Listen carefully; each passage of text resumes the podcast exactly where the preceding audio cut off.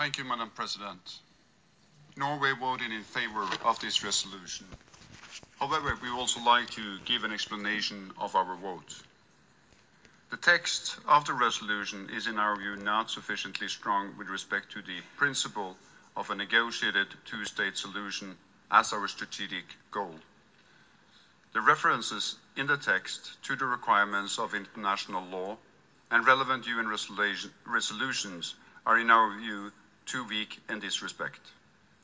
Norway supports Egypt's work for a Palestinian reconciliation and for a Palestinian congregation. The resolution is, as we see it, unclear regarding fundamental requirements for Palestinian unity government as expressed in the Quartet criteria.